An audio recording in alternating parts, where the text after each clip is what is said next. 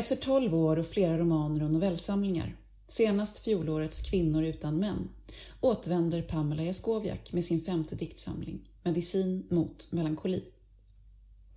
Boken tematiserar den kvinnliga kroppens föränderlighet, dels genom vad som tycks vara en underlivssjukdom, dels genom de spår som tidens framfart oundvikligen sätter i kroppen.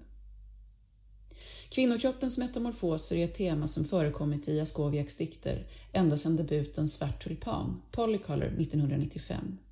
Och läst i ljuset av de tidigare böckerna tycks Medicin mot melankoli renodla tematiken i en form där den enskilda stämman träder fram ur texten och talar. Ensamt och klart. Det är också vad som får den här boken att sticka ut. Ingen av Jaskowiaks tidigare diktsamlingar har genomsyrats av en så stark tilltro till rösten. Svart tulpan var namnet på en hårfärg som var populär under 80 och 90-talet. Och dikterna i debuten är precis så världsfrånvänt hedonistiska som den romantiska föreställningen om sekelslutets sista decennium gör gällande.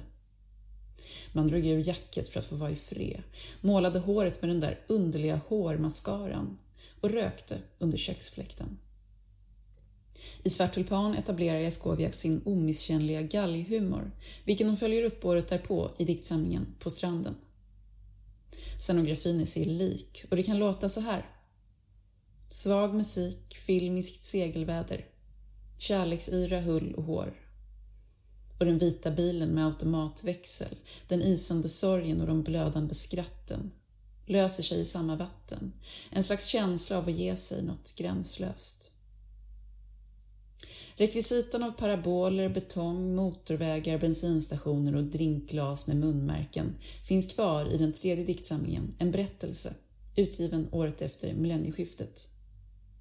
Men i sommardiktsamlingen Regnet och gräset från 2011 har 90-talets heta nätter bleknat.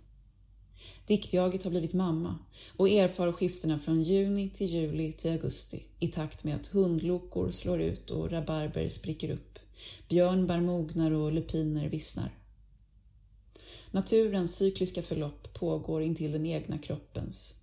I Svart tulpan hette det Följ med mig bort från detta, köket med korsord och mensrosor, vaxduk och det vita kaklet. Och i Regnet och gräset Mensrosor och kök, fjädrar från döda fåglar. Mensrosorna återkommer i Medicin mot melankoli, liksom flera andra ord som bindväv, vildvin och plommon. Men där dessa ord tidigare fick sällskap av neon, betong och plast står de nu snudd på solitära, infogade i korta rader om två ord eller tre. Artikulationen i texten blir på det sättet mer pregnant, som ständiga påminnelser om det talade språkets hemvist, hur varje ord måste passera genom munnen. Jag sjunger från cellen, ond och krank, ur munhålan, gomseglet, struphuvudet, en sång som inte handlar om något utan är svarta blommor ur blodet. Varianter på ordet mun förekommer åtta gånger i boken. Varianter på ordet sång eller sjunga nio gånger.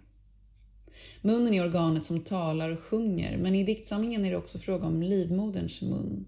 Menstruationsblodet som rann ner för diktjagets lår i regnet och gräset har här blivit en autoimmun sjukdom.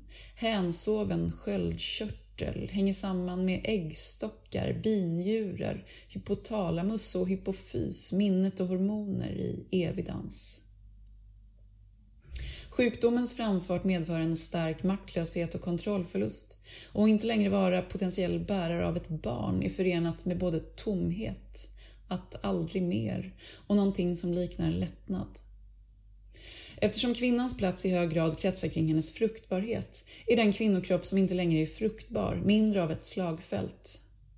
Det är en roll som, även om den fortfarande är villkorad av patriarkatet, kan innebära vissa möjligheter. Här går det att uttyda en feministisk dimension i dikterna som får mig att tänka på hur Helena Österlund i diktsamlingar som Det enda som blir kvar i ord från i fjol och nu senast i Om det fanns en plats som var min visat hur den kvinnliga förvandlingen kan fungera som motstånd mot på förhand givna roller. Språkligt korsar Jaskowiak anatomiska begrepp med naturord och termer från gastronomin, vilket förstärker poesins koppling till munnen. Som om den pockar på att läsas högt. Här finns beröringspunkter med Helena Bobergs diktsamling Röd melankoli, också från i fjol, som har en snarlik titel och liknande tema och dessutom använder den dubbla betydelsen av ordet mun. En het högröd stril kittlar den inre munnen, hette det hos Boberg. Och hos Jaskowiak. Med slemhinnorna gnistrande av salt, ljumskarna rena som stränder efter floden, blommar jag inåt moderlivet, i gryningen, i skymningen. En kvällsvard av ångkokt strandkål.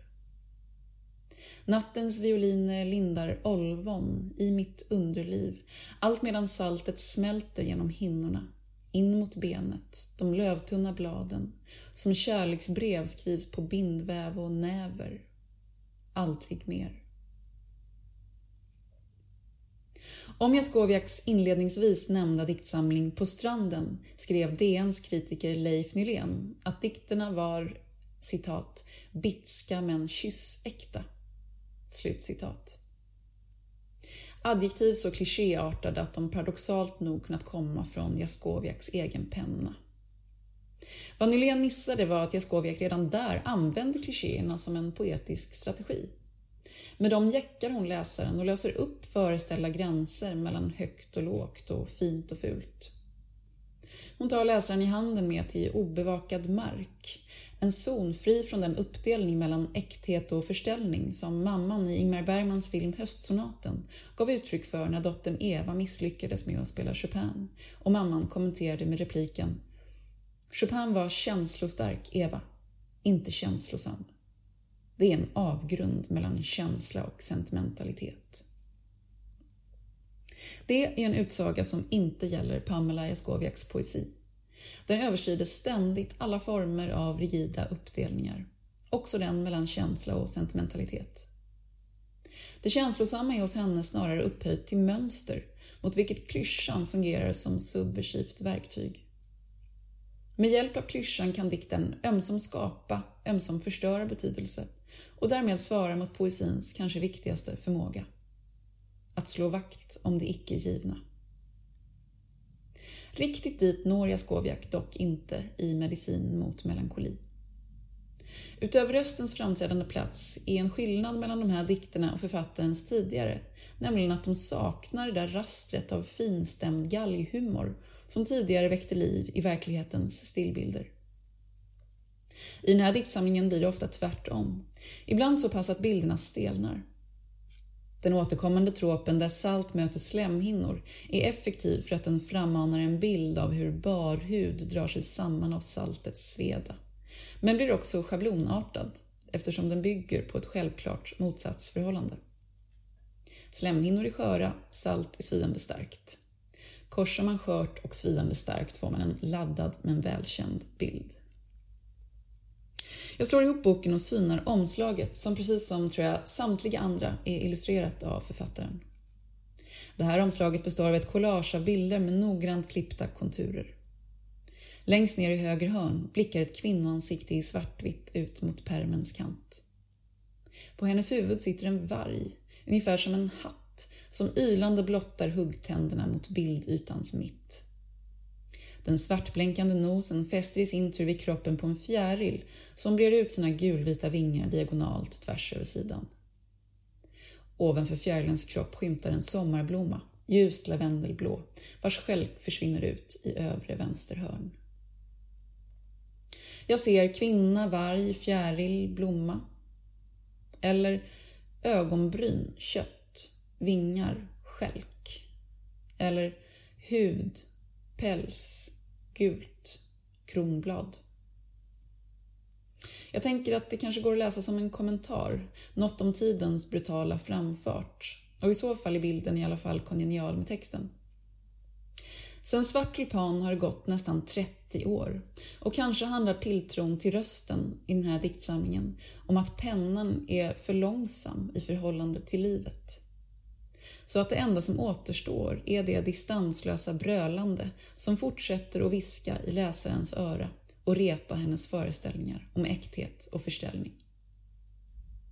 Sjunger sången om och om och om. Samma omkväde, skamlöst inåt, bild efter bild. Barnen och jag på bilfärder i bergen. Min mamma begraven. Vulkanen. Ständigt där. En vakande cyklop i fonden.